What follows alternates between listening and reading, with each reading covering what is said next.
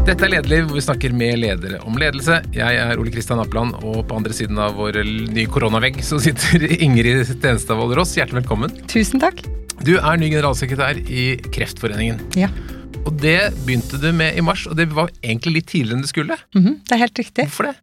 Nei, Jeg skulle egentlig begynt Jeg har jo hatt en forgjenger, Annelise Ryll, som har vært i Kreftforeningen i 18 år, som skulle gå av med pensjon. og eh, Derfor hadde vi bestemt oss for å veksle i mai, men så kom koronaen. Og da sto vi plutselig i en eh, situasjon hvor både hun og jeg skjønte at de valgene vi tar nå, de skal vi leve med en stund, og det var rett og slett litt krise.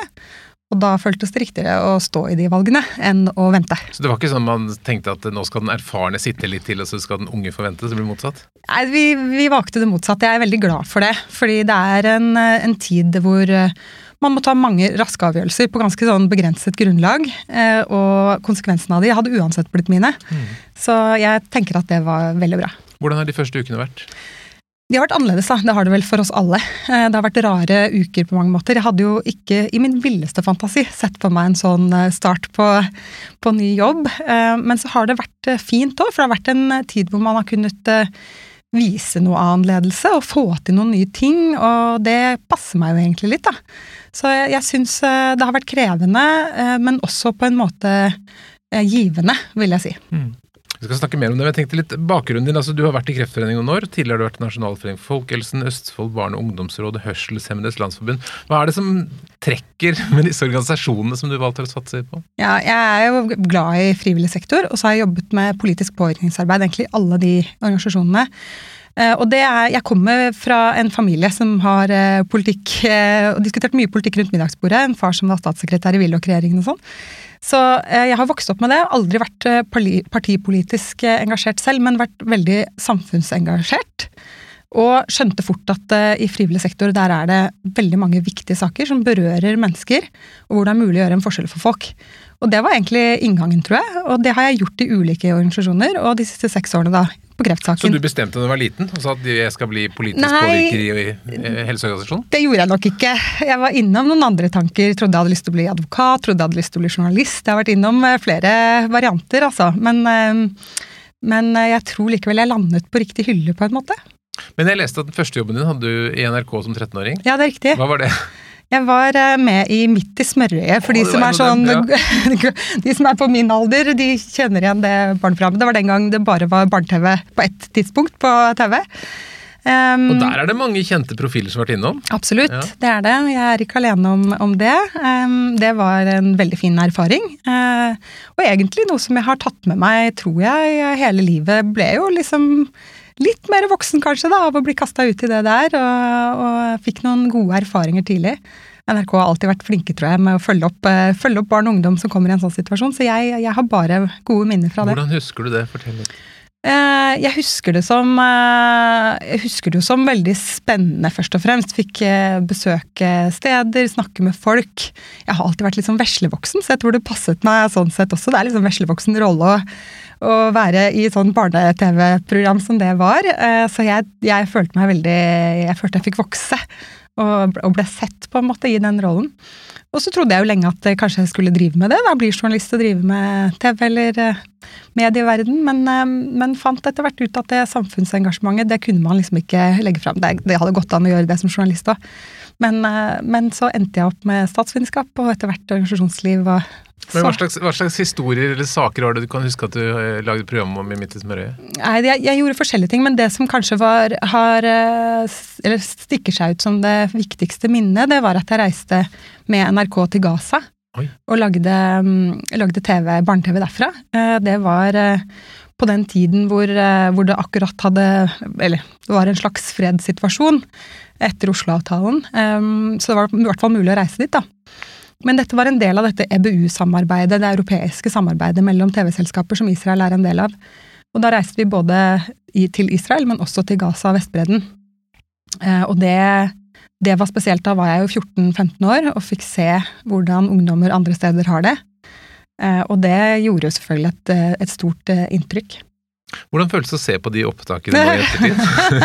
Nei, det er sånn passe kleint. Jeg har gjort mye rart på TV år, så jeg har vært sunget i band og en veldig dårlig skuespiller, så jeg har prøvd meg på mye jeg også kan være flau over. Men, eh, men, eh, alt i alt så er det, det er en tid, liksom, og det er fint å se tilbake på. Men du ble jo vant til å bli litt kjendis, eller bli en synlig person? Ja, absolutt, men det gikk jo over òg på et vis. Det er ikke sånn at det var Men du fikk vel høre det på skolen? Altså du... Ja, absolutt. Og en viss, en viss, del av sånn type gjenkjennelse i den alderen var det. Og så, og så jeg folk, heldigvis, og så mm. går livet videre. Ja. Men trives du med det? Være en sånn synlig person? Ja, jeg har ikke noe imot det. Eh, jeg er veldig jeg er komfortabel med å være synlig på sak. Syns at det er fint, eh, og særlig på kreftsak. Mm. Men jeg har ikke noe imot det. Og så har du da jobbet med politikk, du har studert statsvitenskap, du har også studert kommunikasjonsledelse ved Danmarks Medie- og journalisthøgskole. Det hørtes veldig gøy ut. Ja, det, er veldig det, det skulle jeg gjerne gjort. Ja, det var faktisk veldig gøy. Men det er jo litt gøy, for det er, ikke, det er veldig få um, ledere som vi har her på Lederlivet som egentlig kommer fra kommunikasjonssiden. Det er mm. Veldig mye økonomer og jurister og sånne ting. Men mm. tenker du at det er en fordel å ha den kommunikasjonsbakgrunnen inn i lederrollen? Absolutt. Jeg syns det er en kjempefordel. Jeg kommer jo fra jobben som kommunikasjonssjef i Kreftforeningen til generalsekretær. Så det føles veldig noe som jeg har veldig sånn veldig tett på eh, og veldig med meg. Det er mange grunner til at jeg tror det er en fordel.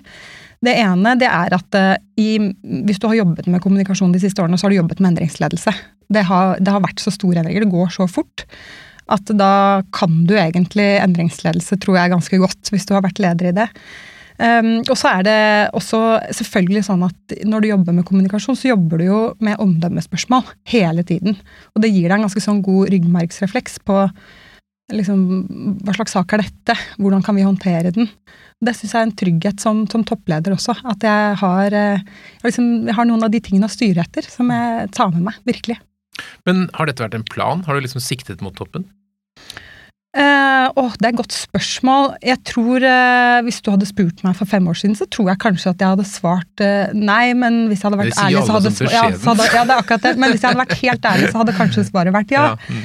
Så, så, jeg vet ikke. Det er, det er, jo vanskelig å si akkurat hvordan veien blir til, på en måte, men, eh, men jeg har det nok i meg å ta mye ansvar og eh, ja. Så sånn sett, så. Men alle kjenner jo Kreftforeningen sånn på navn, men fortell litt om omfanget. Hvor stor, hvordan ser organisasjonen ut? Ja, vi er jo store. Eh, Norges, en av Norges største helseorganisasjoner, eller kanskje den største.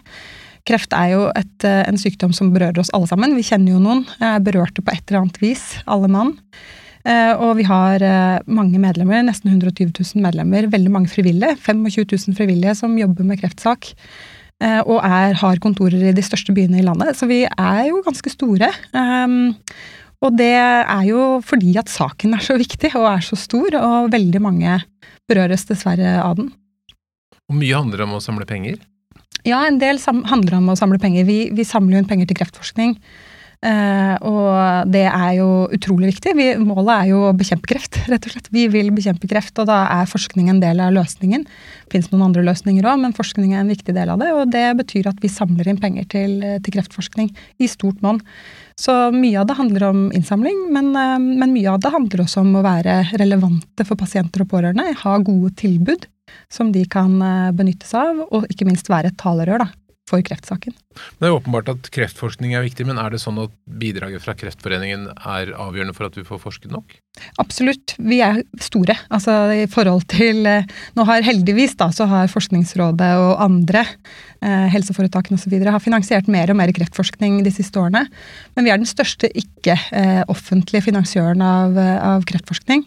Og vi har veldig gode systemer for hvordan vi deler ut pengene. Så, så det, vi er absolutt store, og vi gjør en forskjell. Og vi har finansiert mye forskning opp igjennom som har gitt fremskritt. I dag overlever jo tre av fire kreftpasienter.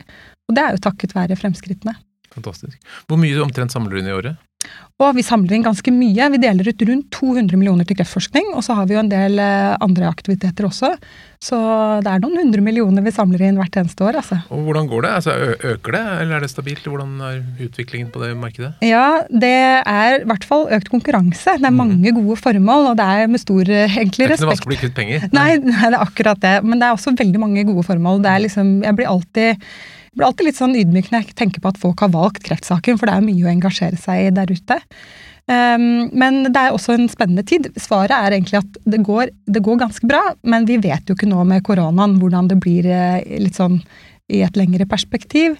Vi har En del av våre givere er jo privatpersoner som er berørt nå, og, og noe er også næringsliv som er berørt, så vi er litt spente på fortsettelsen. Mm. Men så tilbake til denne starten. da. Du hadde sett for deg å sitte ved et stort bord med masse kolleger, så blir du sittende på, på, eh, Teams eller noe annet mm. sted. da. Mm. Hadde du lagt noen plan for hvordan du skal være som leder? Har du liksom noen mantra sånn skal jeg være som generalsekretær? Eh, nei, jeg hadde et ønske om å være nær, da. De folkene. Jeg har utrolig mye flinke folk på laget.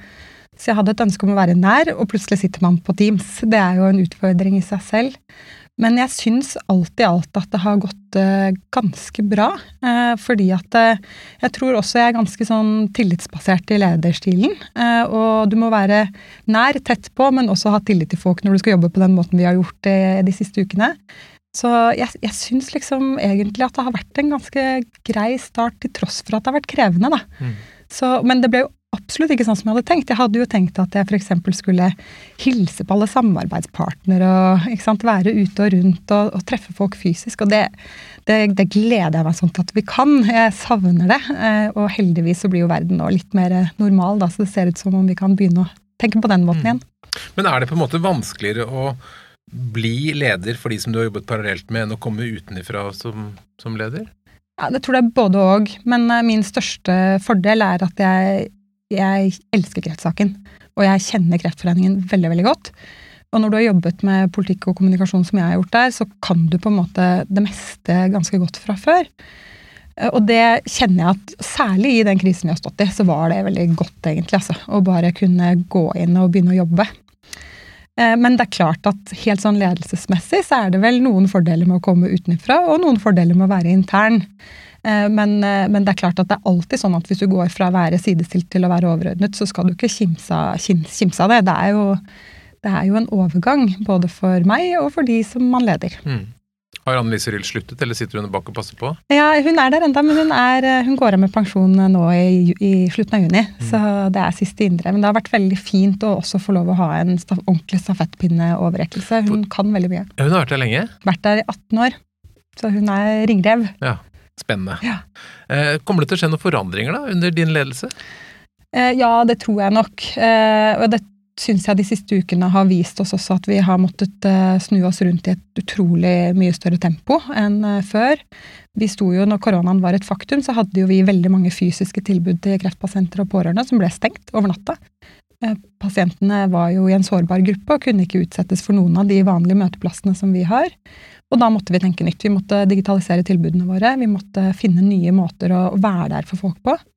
Og det har krevd eh, endring i raskt tempo. Dette, dette er jo ikke noe vi er alene om, dette er noe mange har erfart, men vi også har erfart det. Og jeg tror på en måte den eh, endringshurtigheten, den må vi ta med oss eh, fremover også. Den er ikke noe som hører til korona, og så går vi tilbake til det vi hadde fra tror du, før. Tror du liksom at man kan holde på det, og fortsette å være like fleksibel? Jeg tror vi på en måte må det, eh, for å være relevante. Eh, og så er det klart at det betyr ikke at, alt skal gå så fort, tror jeg ikke. Kreftforskning er fremdeles et stort puslespill hvor man legger brikke på brikke. Noen ting består, på en måte. Men, men i forhold til å være relevante for mennesker, ha gode tilbud, være aktuelle, så tror jeg det kommer til å gå fort. Og jeg tror vi må være endringsvillige på en litt annen måte enn det vi har vært tidligere.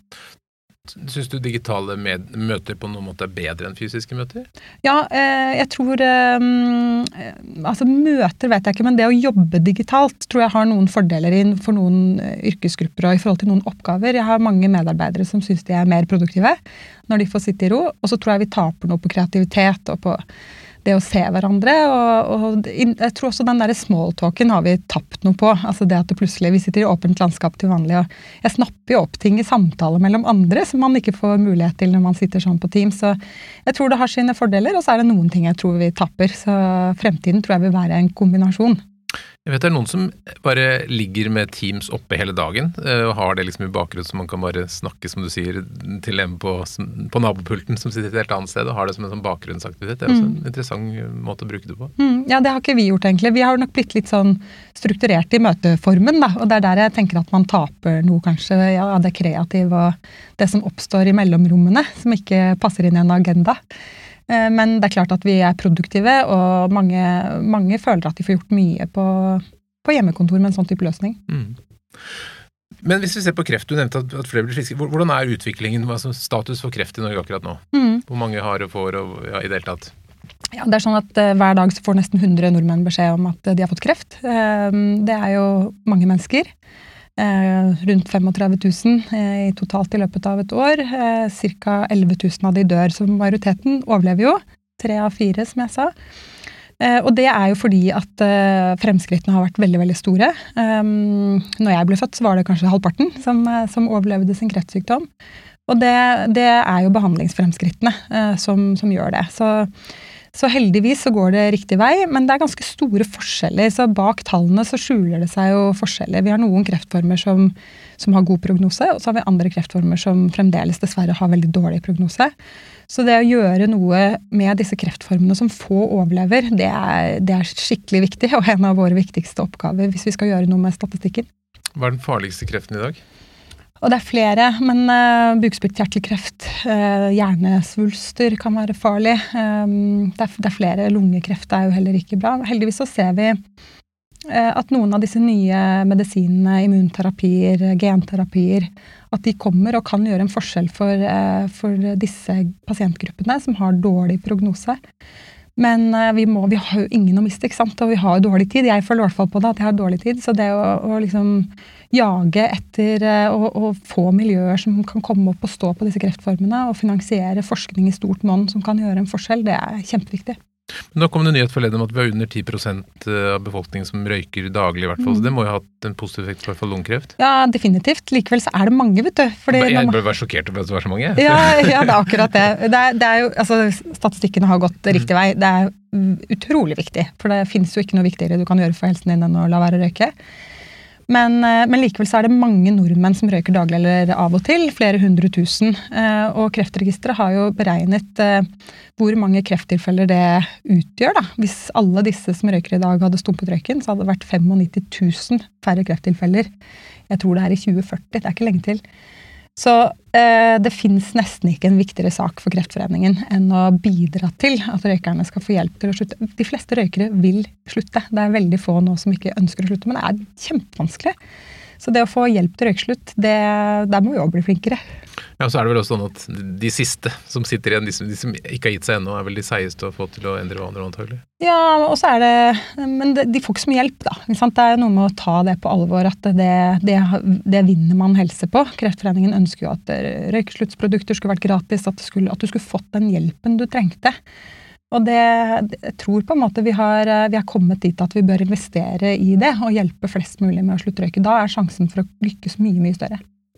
Men er det noen kreftformer som øker? Ja, det er det. Det er flere kreftformer som øker, og dessverre noen av de er korrelert med levevanene våre, f.eks. føflekkreft. Vi, nok, eh, vi er ganske sånn solhungrig gjeng mm. som eh, når solen titter frem, så ønsker vi å få mest mulig ut av den, og det er jo veldig lett å forstå. Det er bare at vi bråsoler oss og blir solbrent. og og føflekkreft eh, er noe som øker i Norge, og vi ligger på verdenstoppen, faktisk, dessverre, med bare Australia og New Zealand foran oss. Og det er helt unødvendig, vet du. Så du kan uh, fint unngå den kreftformen uh, ved å bare være opptatt av solvanene dine. Hvordan bør vi smøre oss i sommer? Nei, Vi bør smøre oss uh, mye oftere enn det vi tror. Vi bør gjøre noe annet enn å smøre oss. Og vi bør ta litt pauser hvis det er veldig sterk sol. kle på oss litt klær. smøre en håndfull til en full kropp, helst en gang i timen. Eh, rett og slett bare pass på å ikke bli brent. Det er jo kunststykket. Um, og nordmenn er ganske flinke til å smøre seg hvis de vet de skal sole seg. Litt mindre flinke hvis de skal jobbe i hagen eller sitte på kafé eller uh, gjøre noe annet. Så det å få det inn som en sånn god vane at i dag er det sol, jeg må smøre meg før jeg går hjemmefra, ta med meg en solkremtube i bagen og eh, ha litt større bevissthet rundt det, det hadde nok lønt seg. Mm. Men dere har jo da en enorm sånn erfaringsbase på nettopp dette med eh, helseopplysning og opplysningsarbeid. Sånn, føler dere at dere liksom har funnet oppskriften på hva som funker? Eh, ja. For å få folk til å endre vaner? da? Eh, nei, ja, altså Det er jo et uh, utrolig vanskelig spørsmål. Man finner vel aldri helt oppskriften for hva som skal til for, å, for at folk skal gjøre det du informerer om. Det er jo nettopp det å få folk til å lese det, og så gjøre det, som er kunsten. Men, eh, men, vi er jo blitt ganske gode på informasjon og, og, ser jo at vi er veldig relevante. Vi har hatt uh, enormt mye besøk på sidene våre om kreft og korona f.eks. Vi har hatt veldig mye informasjon, og også fikk en sånn delegert eh, rett og slett informasjonsjobb fra Helsedirektoratet om å, om å informere kreftpasientene om, om, situasjonen rundt korona. Og har hatt eh, flere titusener innom våre eh, nettsider for å lese om det. Og litt sånn tilsvarende er det på spørsmål om kreft. Vi er nok Norges største informasjonsleverandør når det gjelder kreft. Og, og, på en måte takk og lov, hvis man bare googler, så er det jo en jungel der ute av informasjon, og ikke alt er like like bra, da. Eh, det er fort gjort å, å, lese som man blir skremt, eller bli egentlig lokket inn i alternative behandlingsformer og den type ting. Så, så, vi er uh, godt besøkt, og vi er glade for uh, at folk kan bruke oss på den mm. måten. Men kreft og korona, er, det, er korona spesielt farlig for kreftpasienter, kanskje? Ja, kreftpasienter som er i kreftbehandling er særlig utsatt. Uh, immunforsvaret går jo ned når du står på cellegift f.eks., uh, og da er korona mer skummelt enn det er for deg og meg. Mm. Eh, så det har vært krevende, og det har vært eh, en, eh, en, situasjon hvor mange kreftpasienter har følt seg veldig isolert. Man har måttet barrikadere seg litt. Og vi har jo også mye kontakt med barn og unge som er pårørende, som har en mor eller far eller en bror eller søster med kreft. Og det å ikke kunne ha de vanlige møteplassene for de, de gruppene der, det gjorde rett og slett litt vondt. Mm. Så vi har heldigvis fått på plass gode digitale alternativer. Vi har bl.a. Eh, laget noe som heter Digitalt heltemøte, hvor barn og unge som er pårørende til noen med kreft, får treffe Ada Hegerberg eller Viktor fra Flipp Klipp eller noen av disse heltene som de har. Da. Og det har vært så utrolig fint å, å se hvordan eh, barn som ellers har en litt ekstra tøff hverdag nå, får treffe noen og få en liten sånn pause, og så treffer de samtidig andre barn og unge i samme situasjon som vet hvordan de har det. Mm. Så, så vi, heldigvis har vi klart å digitalisere en del, men uh, det gjør litt vondt i hjertet å tenke på alle de som sitter hjemme og som er ekstra redde og ekstra bekymret. Og, og for dem så har jo ikke livet blitt noe greiere nå heller, for koronaen er der enda, og så lenge vi ikke har noen vaksine eller noen løsning, så er det mange som er preget. Mm.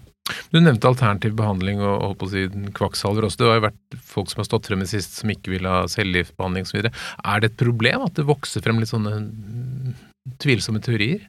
Eh, jeg mener at eh, alternativbransjen har egentlig alltid vært et problem, eh, i den forstand at noen lover mer enn de kan holde. Den er ganske mangefasettert, da. Men, men hvis man er en alternativbehandler som lover at man kan kurere kreft, så er det et stort problem. For det, det går ikke. Det er udokumenterbart, og, og, det er en grunn til at det er det. Uh, og, og, her har jo Kreftforeningen mange års erfaring med at uh, kreftpasienter blir uh, rett og slett eh, si bombardert med veldig, ofte veldig velmenende råd. Men, eh, men, både på nett, i sosiale medier, så har dette blitt mer og mer avansert. Googler du kreft i dag, så kan du få en, eh, en alternativ behandler kan med ganske få tusenlapper målrette en Facebook-annonse direkte mot deg i forhold til det du har googlet. Eh, og det er jo sånn at det er veldig forståelig at mennesker som er desperate, ønsker å prøve alt. Eh, men det er allikevel helt ugreit at eh, noen tjener pengene sine på, på det når, når, man vet at det ikke virker. For noen reiser også til utlandet for behandlinger som man ikke får i Norge. Sånn er det slik at, vi, at, det er mange behandlinger som vi, som vi burde ha i Norge som vi ikke har? Norsk kreftbehandling er ganske bra. Eh, det betyr ikke at det ikke fins behandlinger som er bedre andre steder, men jevnt over så er norsk kreftbehandling veldig, veldig bra. Og så har vi de siste årene så har vi fått uh, en løsning som heter Ekspertpanelet. hvor hvis, er, uh, hvis alt håp er ute, så har man jo nå fått på plass en ordning hvor man kan få eksperter til å vurdere en slags sånn second opinion, da, en, en, ny sjanse. Er det noe Og det handler ikke om bare i Norge, men er det noe som er uprøvd? Og det var en sak som Kreftforeningen har vært veldig opptatt av. Ekspertpanelet kan bli enda, enda litt bedre, men, men, bare at vi har fått på plass selve ekspertpanelet har betydd masse. Fordi hvis du får beskjed om at nå er det ikke mer vi kan gjøre for deg, så er det mange som ikke faller til ro før man vet at alle steiner er snudd, og det kan jeg forstå så inderlig godt. Mm. Og da å få den eh, muligheten, det, det betyr eh, mye. Og det gjør nok at eh, flere tenker at ok, da, da prøver jeg ikke det alternativet. Da, da, da, vet jeg at jeg har forsøkt alt jeg kunne. Eh, og det, det, det fins nemlig ikke noe mer hjerteskjærende enn de som bruker sine siste penger og eh, ikke engang alltid kommer hjem fra sånne alternative kurer som ikke fungerer. Men du sier jo de fleste som får kreft, uh, overlever jo. Men, men, det betyr jo da at vi får veldig mange mennesker etter hvert som lever som si, tidligere kreftrammede, eller som har kanskje en frykt i seg? Mm. -hmm. det er veldig mange mennesker som har hatt kreft, eller Mhm. som lever med kreft. Ja, for Man blir på en måte ikke helt ferdig med det, kanskje? Eh, jo, noen gjør det jo, Ja. eh, men du går jo lenge til kontroll. Så um, hvis du er blitt frisk, så har du likevel disse kontrollene som jeg vet veldig mange gruer seg for. og liksom, Det er li like mye spenning og angst hver eneste gang. Men, men så etter hvert så blir du jo i kategorien frisk, heldigvis. Men, men mye kreftbehandling er veldig tøff, og veldig mange mennesker lever med senskader etter den kreftbehandlingen. Og det er nok noe vi har snakket for lite om. At eh, kreftbehandlingen setter eh, sine spor, da. Kreftfri, men ikke frisk, er det Mm. mange som sier, liksom. Og Er det da en stor oppgave for dere? Jobbe Absolutt. med den gruppen? Absolutt, det er kjempeviktig. Og mm, det blir på en måte et litt sånn skjult uh, handikap, eller en funksjonsnedsettelse, hvis man skal si det sånn. Fordi alle vet, eller mange kan vite at du har hatt kreft, og vet at du har blitt frisk, og så tror man at da er man som før. Men det er man ikke alltid. Det er ikke så lett å vite. Det er ikke så lett å vite, og det syns ikke alltid utenpå. Men, uh, men kreftbehandlingen kan gi, eh, gi eh, kronisk tretthet, slitenhet, eh, en del sånn nervelammelser i fingre, tær, eh, mange senskader som ikke syns utenpå, men som gjør hverdagslivet veldig tungt, egentlig. Så det å både informere i forhold til arbeidsgivere, sant, familiemedlemmer, og i det hele tatt sette den saken på agendaen, det, det er viktig for oss. Men du leder jo da en organisasjon som består av mange eh, profesjonelle, eller som, som på en måte har, kommer litt med veldig sånn sterkt faglig fokus. Og så er det mange frivillige, og sikkert også ansatte, som har en veldig sterkt emosjonell Som har, en egen, har hatt kreft eller har kreft i familien. Så er det en utfordring, det der fornuft og følelser i Mm. samme organisasjon? Ja, det er det.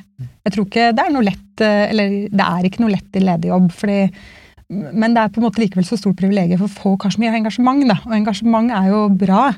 Men det er jo ikke alltid sånn at uh, flere engasjerte mennesker uh, vil det samme. Og da er det noen som uh, Noen ganger så går beslutningen i favør av, av en retning, og da er det noen andre som er uenig. Så det, hos oss er det takhøyde for ganske sånn, mye diskusjoner, egentlig. Og bra er det, tenker jeg. Eh, og Kreftforeningen er ikke et sted du jobber for å ha høy lønn, det er et sted du jobber for å gjøre en forskjell. Og da trenger man, eh, trenger man det engasjementet. Og selv de aller flinkeste fagfolkene er jo like engasjert. Det er, er ikke noe sånn at eh, enten er du fagfolk eller så er du frivillig engasjert. Jeg opplever egentlig at eh, alle som jobber i Kreftforeningen og alle våre frivillige har et enormt engasjement for saken. Og det er jo vår største styrke, egentlig. Um, men innimellom også en lederutfordring. Ja, fordi at noen kommer kanskje med veldig mye følelser og engasjement for noe som du tenker at det er ikke så veldig smart, og så må du øh, vri dem ut av det. Ja, eh, det hender jo. Og så hender det jo at eh, folk eh, på en måte er personlig berørt eller personlig engasjert. Og, og da, da hender det jo at beslutninger går i en annen retning enn det du skulle ønske. Så, så det, men, men jeg tror mye av nøkkelen i det ligger å ha rom for diskusjonene, da, og tåle diskusjonene. Og, og også se at den tverrfagligheten som vi har, det at vi er mange ulike hoder som tenker sammen i ett lag, det gjør jo stort sett alltid at beslutningene og valgene våre blir bedre. Men det betyr ikke at alle får viljen sin. Eh, Og det, det, det tror jeg de fleste, både frivillige og ansatte hos oss, eh, både kjenner seg igjen i og ser at det er bra. Men øh, når du da skal øh, trekke du har, du har, så mange, du, har, du har så mange områder, altså mange temaer, mange steder, mange mennesker. Mange, hvordan klarer du liksom å fokusere, eller hvordan tenker du du skal samle dette her? Ja, men Det tror jeg kanskje er en av de største utfordringene. da, Å ikke smøre seg for tynt utover. på en måte. Fordi eh, Nå er det sikkert mange som hører på som tenker at ja, men det er jo bare kreft. Det, kan, det er jo ikke så stort. Men, eh, men vi jobber med alt fra forebygging, da, ikke sant? tobakk, fysisk aktivitet, sol som er nevnt, helt inn til, eh, til døden. ikke sant? Hvordan, hvordan er det man, eh, man dør i Norge? og, sette døden på dagsorden. Og alt midt imellom med kreftbehandling og kreftforskning og omsorgsaktiviteter. og Det er veldig stort, og jeg tror eh, det å ha fokus er faktisk en, en utfordring. Så mm, når eh, alt er så viktig, hvordan prioriterer man da? Um, og det, det, blir nok en stor oppgave for meg også, å rett og slett stake litt sånn ny kurs. Um, men jeg tror at noe av det som vi må bli bedre på fremover enn det vi kanskje har vært, eller i hvert fall enda bedre på, det er å, å stå i en, en, del av de etiske diskusjonene som kommer. Fordi kreftbehandling blir ganske komplisert. Det handler om genene våre, det handler om bioteknologiloven, som vi akkurat har hatt i Stortinget. Det er kompliserte spørsmål hvor etikk og diskusjoner, og legge til rette for det også kommunikasjonsmessig, blir en veldig viktig oppgave for oss. Og så er det ikke alltid Kreftforeningen kanskje skal ha svaret, men vi må kunne løfte debattene. Hva tenker du blir foreningens største utfordring liksom, i det neste tiåret? Eh, det blir å fortsette å sikre fremskritt, øke overlevelse. Eh, jeg tror at det vil gå riktig vei, det er mye som tyder på det. Men det er ganske mange kompliserte eh, ting som ligger i veien. Både i forhold til ja, genteknologi som, som, felt er jo kjempekomplisert. Berører jo arvematerialet vårt og, og hvem vi er. på en måte Eksistensielle spørsmål. Men også prioriteringsdebattene. Det kommer til å være mye som skal prioriteres i samfunnet fremover. og og mer kreftbehandling må skje hjemme eller nært folk, og vi skal løfte ansvar fra stat til kommune. og Det er, mange krevende sånne prioriteringsdiskusjoner. Så det å fortsette å sørge for økt overlevelse på kreftfeltet, og at folk skal ha best mulig liv, det, det er den viktigste utfordringen, mm. tror jeg. Hva tenker du er din viktigste utfordring som leder? Hva, hva er vanskelig med det du har fått? Jeg tror min viktigste utfordring blir å å sørge for at eh, endringer og bevegelse og fremdrift liksom, hva skal man si, har litt fart fremover. Det er ikke noe som er liksom omorganisering eller én koronaepidemi. eller Det er noe som skal være der hele tiden. Eh, og det er et ganske sånn stort skifte, egentlig. Eh, sikkert hos mange, men også hos oss. At vi hele tiden må, må være litt sånn fram i skoa, da. Og, og være villige til å tenke nytt og være relevante. Eh, og det å bidra til det, det, det, er nok den største utfordringen, men også kanskje det jeg syns er mest morsomt, da. Men dere er jo ganske mange som vi var inne på som er i dette innsamlingsmarkedet, som er ute etter oppmerksomheten og medieoppslagene og pengene og alt mulig sånn. Er det blitt hardere konkurranse mellom dere store organisasjonene? Eh, det er i hvert fall eh, blitt sånn at, at giverne, folk som gir penger, stiller noen andre krav til oss. Så eh, det er nok blitt tøffere konkurranse òg, men, men, først og fremst så må vi i mye større grad eh, forstå hva de som gir oss penger, er opptatt av, og se dem. Det er ikke sånn lenger at de bare gir. Man forventer å få på en måte noe igjen, eller bli mm. sett da, eh, igjen. Hvordan da? Nei, altså, jeg tror eh, Vi er jo mer flyktige, ikke sant. Vi, vi, vi, er ikke sånn at vi er liksom lojale mot én eller to saker lenger i like stor grad. Og, og, i den flyktigheten så er det også en forventning om å både få vite hva som ble resultatene av det jeg ga, eh, men også det å føle at man blir sett, for informasjon. Og da, Det krever jo mye av oss som organisasjon å se hver enkelt, på en måte, og, og også passe på at folk får en tilbakemelding på hva vi oppnår med de pengene vi får. For vi har uh, utrolig gode resultater, men det er ikke alltid vi klarer å kommunisere det til akkurat deg som har gitt. ikke sant? Og det, det, det krever noe av oss. Og det, det, sånn sett så blir det nok uh, mer krevende i et sånt flyktig marked å være den som stikker av gårde med, med de viktige pengene. Da. Mm. Men um, Hvis jeg gir 100 kroner, hvor mange av de kronene går til faktisk å, å, å si, pleie meg som giver? Altså hvor mye går til det å få inn penger? Ja, Av, av 100 kroner så går ca. 80 til kreftsaken, mm. uh, og resten til administrasjon. Ja. Og den, den, den, den, eh, nøkkelen der den er vi veldig opptatt av å holde på, sånn at uh, du skal vite at det aller aller meste du gir, går til kreftsak. da. Hva syns du er mest gøy? Nå er du veldig ny i jobben, da, men sånn, generelt, hva koser du deg mest med med å være leder? Eh, jeg syns nok det gøyeste er å Jeg er ganske sånn resultatdrevet, så jeg syns det er gøy å se det vi får til. Um, når jeg, har fått, når jeg har fått være med på disse heltemøtene, for eksempel, som jeg fortalte om, og se møter mellom barn og unge som jeg vet har en vanskelig situasjon, får treffe Selda eh, som gjør eksperimenter ikke sant, på, på, skjermen, og man ser liksom at man gjør en forskjell for folk da, gjennom et sånt resultat. Det, og at vi har fått til det sammen. Det syns jeg er utrolig gøy. Og vi har en tilsvarende sånn Det var mange under korona som, som skulle til kreftbehandling og opplevde at eh, det å sette seg på Helseekspressen, altså på bussen eller kjøre kollektivtrafikk, var kjempeskummelt. Så på, på 1, 2, 3 så klarte vi å snu oss rundt og lage en sånn frivillig kjøretjeneste, hvor du kan eh, ringe Kreftforeningen og, og, få en eh, bil, rett og slett, med en frivillig sjåfør som, som kommer og henter deg og tar deg til behandling. Og det også å få lov å følge de første turene da under korona, se hvordan frivillig og pasient sammen eh, bonder på en måte en sånn, eh, gjennom en sånn tjeneste. At vi fikk det på beina i partnerskap med både næringsliv og og ved hjelp av eh, penger fra stiftelser og legater og sånn. Det, det, det, er utrolig gøy, altså. Så jeg syns det morsomste for meg er å, er å oppnå de resultatene sammen med de andre, og gjøre, på den måten gjøre en forskjell for kreftpasienter og pårørende. Mm. Du nevnte at du jobber med politisk påvirkning og sikkert prøver å få til ting. Er det noe forskjell, har det noe å si hvem som, hvem som har makta på Stortinget eh, i forhold til kreftsaken? Man skulle tenke at alle er like glad i kreftsaken? Ja, eh, og delvis er de det. Jeg opplever at kreftsaken står veldig sterkt i alle partier.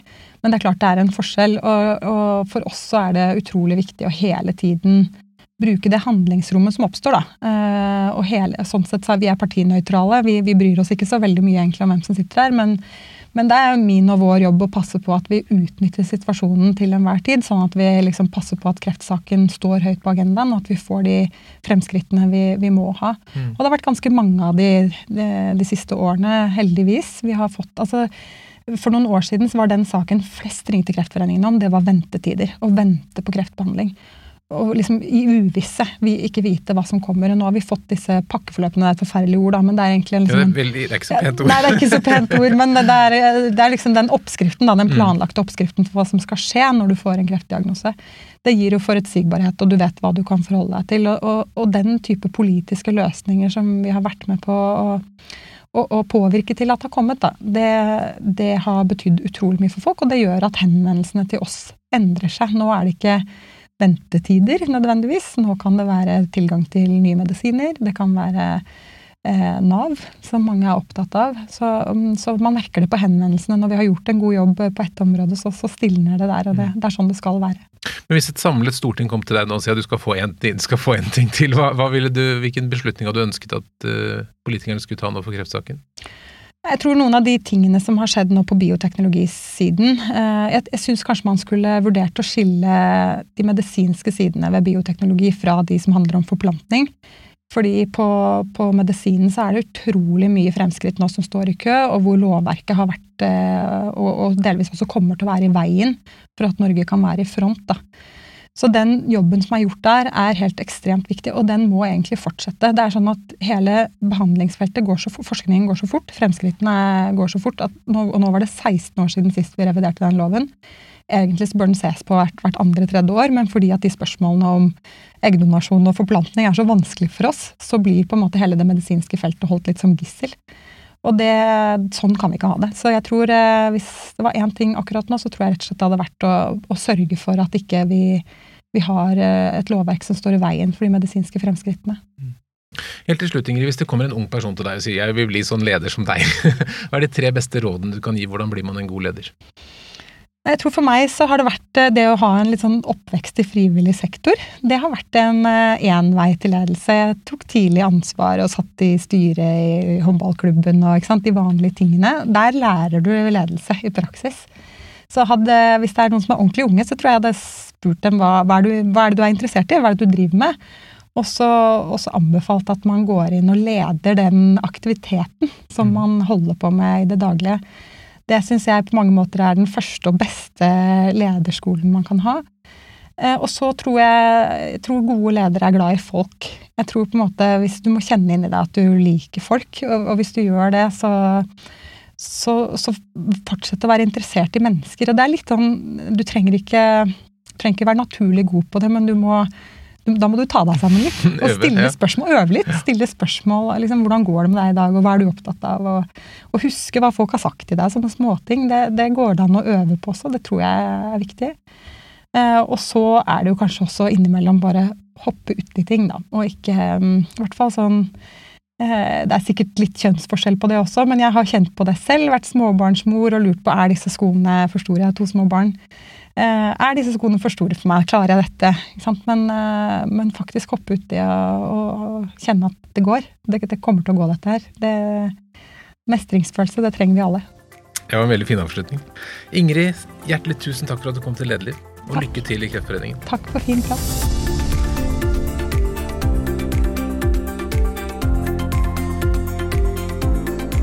Vi avslutter med å si at Lederliv er en podkast fra kommunikasjonsbyrået Apeland. Det er Lars Jarle Melum, Lars Volden og Ellen Paulsen og meg, Ole Kristian Apeland, som er i redaksjonen. Og hvis du har eh, noen kommentarer eller innspill, så send gjerne en e-post til meg, ole.apeland.no. Tusen takk.